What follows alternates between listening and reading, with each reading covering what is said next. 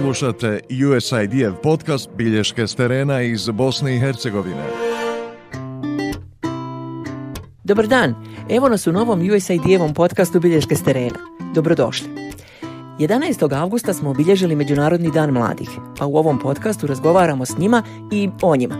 Naime, prema popisu stanovništva provedenom 2013. godine u Bosni i Hercegovini živi 773.850 mladih starosne dobi od 15 do 30 godina i oni čine 21,9% ukupnog stanovništva. S tim da prema istraživanjima koje je proveo Institut za mlade kult, više od 50% njih želi napustiti ovu zemlju, dok je, prema nepotpunim statistikama, više od 10% već otišlo. Brine ih mnogo toga. Više od 60% ih je nezaposleno ili nezaposleno u skladu sa stepenom obrazovanja koje imaju. Ozbiljan posao čekaju i do pet godina. Visoka stopa nezaposlenosti je ista već cijelu deceniju. Ekonomija se sporo razvija. Obrazovni sistem nije usklađen s potrebama tržišta rada i međunarodnim standardima. Korupcija je prisutna u svim sferama života i u raznim oblicima. I najvažnije, ne osjećaju se slobodno i sigurno na različite načine. Usto, na nekim nivoima vlasti imamo zakon o mladima koji su nažalost postali sami sebi svrha. Postoje analize koje pokazuju da će ako se ovako nastavi do 2070. godine u Bosni i Hercegovini ostati pola sadašnjeg stanovništva i to uglavnom onog u trećoj životnoj dobi. Na taj način bi sektori presudni za socioekonomski razvoj zemlje bili u ozbiljnom riziku da postanu nepotrebni, a tržište rada će se suočiti s nedostatkom kvalitetnih radnika i profesionalaca. Pa za početak da vidimo šta kaže vlast na sve ovo. Naime, mladi su kao resor u ingerencijama ili pripadaju Ministarstvu civilnih poslova u Vijeću ministara Bosne i Hercegovine, pa razgovaramo s Adnanom Husićem, pomoćnikom ministra između ostalog i za pitanja mladih. Ministarstvo civilnih poslova, da smo i vijeće ministara, ali znate da nema direktnu nadležnost, ali imajući u vidu e, koordinacijsku ulogu ministarstva je u proteklom periodu poduzimala određene aktivnosti, to su aktivnosti na uspostavljanju strukture u cilju implementacije deklaracije Lisabon plus 21, Priječu o jednoj deklaraciji koja e, zaista treba da e, ili koja je e, ili e, određene prioritete kad je u pitanju oblast mladih na e, nivou zemalja članica Ujedinjenih nacija. Naša proaktivna uloga bila je da pokušamo raditi mapu puta za implementaciju te deklaracije u BiH na neki način e, stavljajući na jedno mjesto prioritete i davajući mogućnost svim onima koji žele, mislim prvenstveno e, na donatoru Bosni i Hercegovini pomoći mladima da na neki način poprave svoj, svoj položaj. Dakle, mi možemo e, zagovarati određene aktivnosti, e, dati određeni strateški e, okvir da bi na kraju nadležne vlasti na nivou kantona, entiteta i brčkog distrikta e, konkretnim mjerama i aktivnostima rada na unapređenju položaja, položaja Ali tu ne smijemo zaista zaboraviti jedan potrebu za jednim proaktivnim E, pristupom e, mladih ljudi u Bosni i Hercegovini i u pogledu kad je u pitanju e, aktivnosti na donošenju odluka i participaciju određene aktivnosti koje provode vlasti u Bosni i Hercegovini. E, mi svakako očekujemo u e, svim tim aktivnostima podršku USAID-a i na neki način i svi drugih donatora svakako da bi nam dobro došlo. Pitanje mladi je multisektorsko pitanje, dakle to je i pitanje obrazovanja i pitanje e, unapređenja zdravlja i dakle rada i zapošljavanja a na terenu je mnogo različitih međunarodnih projekata i oblika podrške mladima kako bi se osnažili i ojačali svoju poziciju u društvu. Mnoge takve aktivnosti provodi i USAID, od edukacija, političkog osnaživanja, razvoja zaštite ljudskih prava pa dalje i šire. Tako da mladi ipak nalaze način da mijenjaju svijet. Primjer radi evo Sare Tuševljak, članice neformalne grupe stanovnika Istočno Sarajevo, koji su digli glas protiv gradnje tri mini hidroelektrane na Kasendolskoj rijeci i gle čuda, dobili presudu protiv gradnje jedne od njih, a sada se nadaju istom rješenju i za druge dvije. A, e, mi smo poslali tužbe za sve tri obnovljene ekološke dozvole. Sada, mislim, slični su ti tužbeni navodi u slučaju mini hidroelektrane Samar, odnosno ono rješenja koje smo mi dobili. E, svi tužbeni navodi e, koje smo mi poslali su nam usvojeni, tako da mi nekako pozitivno razmišljamo i mislimo da će i dakle, presude za druge dvije mini hidroelektrane isto tako biti pozitivne. Ova građanska inicijativa se obratila i Skupštini grada Istočno Sarajevo koji čini šest opština, jer je gradnja mini hidroelektrana zamišljena na tri. I umjesto potrebnih hiljadu dobili su 2354 potpisa s pravom glasa koji pripadaju stanovnicima grada.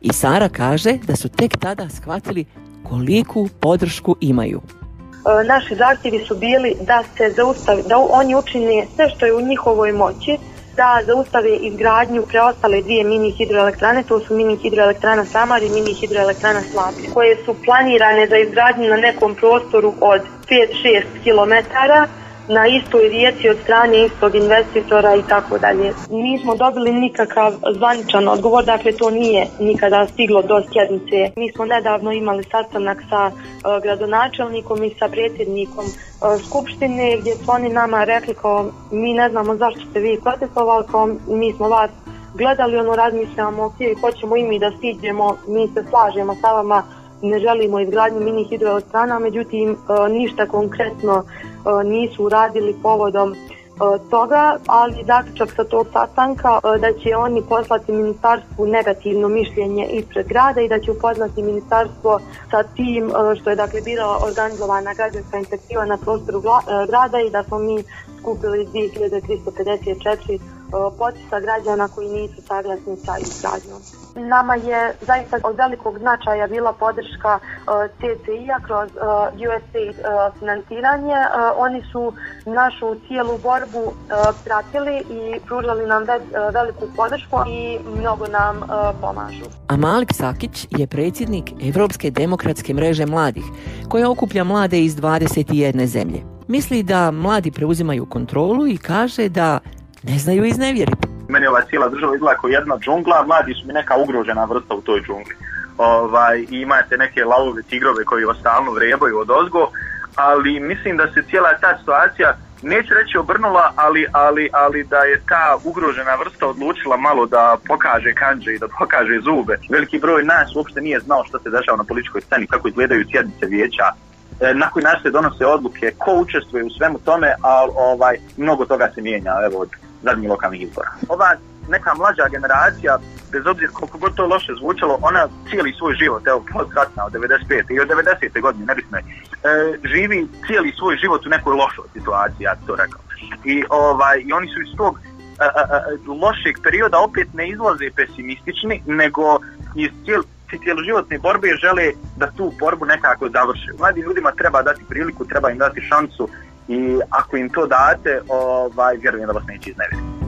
E, što se tiče ovaj, ono što je najveća podrška bila u cijeloj priči, pitali nas šta je problem, šta treba da se rješava i šta vi mislite da treba i kako bi vi to i šta vam mi možemo pomoći u svemu tome. I mislim da je to e, jedan od najboljih načina za, za pristup, evo ja barem rekao mojoj generaciji, jer e, imaju jako puno ideja koje niko ne sluša. Slušate USAID podcast Bilješke s terena u Bosni i Hercegovini s Rubinom Čengić. U Bosni i Hercegovini radimo consulting za, za ovaj privatni mali biznis u Bosni i Hercegovini. Projekat pozivanja na izbore prošle godine koji, koji imao jedan poseban fokus na Mostar i ovaj, na izbore u Mostaru ekipu mlađih ljudi e, iz Bosne i Hercegovine na njih 12 e, je e, pokrenula projekat koji je generalno pozivao jednu novu generaciju ljudi koja nikad nije izašla na izbore da, da ovaj, iskoristi svoj glas, da iskoristi svoje pravo i ja bih rekao to je ono na najviše ponosno da je vjerovatno ovako kako Malik priča, pokazuju aktivnosti Helsinškog odbora za ljudska prava iz Bijeljine, koji sa nekoliko javnih preduzeća i vlastima u šest kantona u Bosni i Hercegovini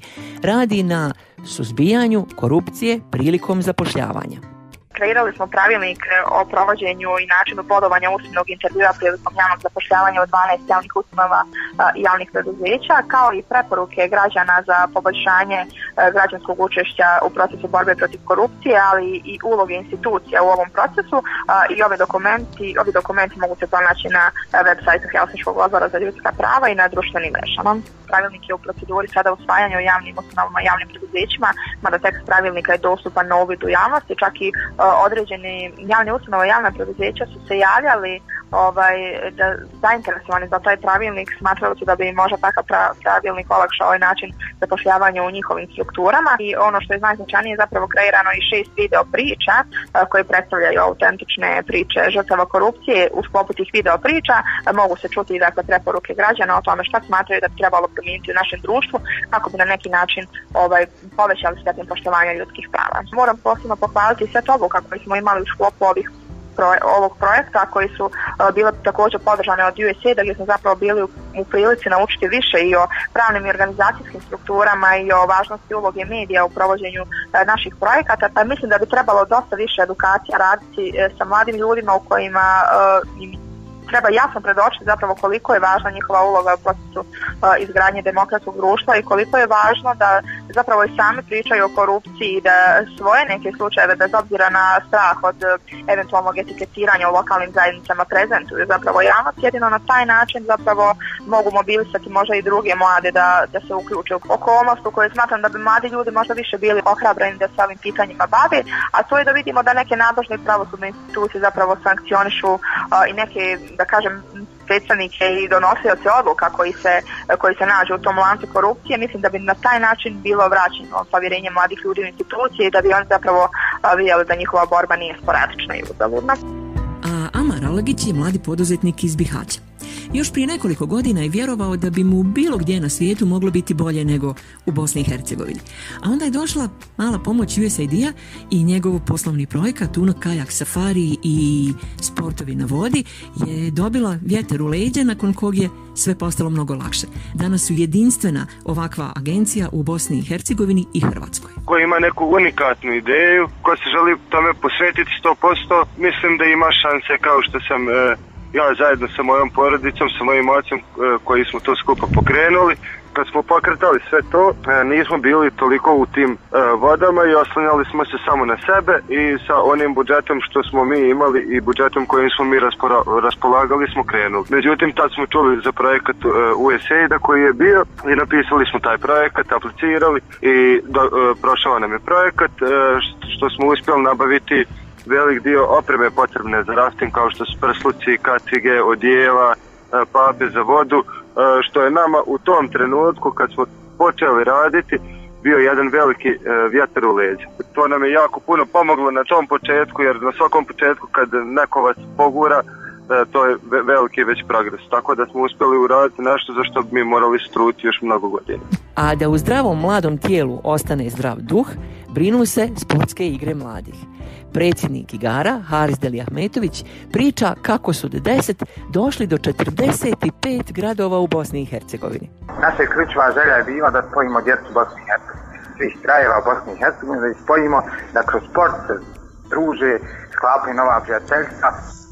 U svemu tome je rezultat je najmanje bitan, naravno djeci je bitan, ali nama je najmanje bitan, što evo već 11 godina je nekako dokaz da smo u svemu tome uspjeli nekako smo dobili epitet najljepše sportske priče. Sportski gromanic je jedan rijetkih projekata u kojem je sve potpuno besplatno. Mi djeci omogućavamo širom Bosni i Hercegovine da se potpuno besplatno bave sportom, da se druže. A, neko djece od svih učetnika je prvi put da imaju priliku posjetiti glavni grad.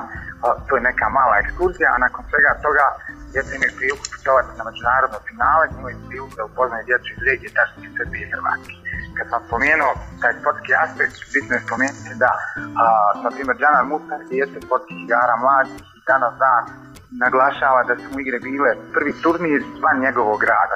Slušate USAID podcast Bilješke s terena u Bosni i Hercegovini s Rubinom Čengić. USAID nama već 8 godina zajedno priča o tako reći najljepšu sportsku priču. On su nam omogućili prije svega da proživimo baš na području čitave Bosne i Hercegovine prije nego što ćemo ući tu suradnju. Mi smo uh, eh, sportskih zemalja održavali 10 gradova, a danas kažemo da je tu 45 gradova najvećim dijelom zahvaljujući upravo američkoj Agencije za međunarodni razvoj USAID.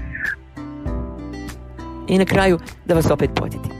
Američka agencija za međunarodni razvoj predvodi napore američke vlade da se zaustavi ekstremno siromaštvo i promoviraju stabilna demokratska društva.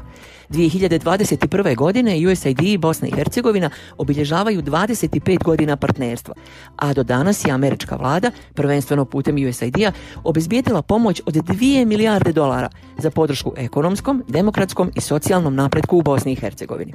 Eto ga, bilo je ovo sve za ovaj podcast. Čekajte nas i mi ćemo ponovo doći. Samo samo s novim temama i zanimljivim sagovornicima. I prije nego odete, samo da još čujete poruku Sare Tuševljak. Zaista mislim da mladi ljudi ne treba da se mire sa tom nekom situacijom i s onim e, što nam je svima plasirano. Mislim da mi svi e, možemo nešto promijeniti ukoliko to zaista želimo. Hvala što ste bili s nama.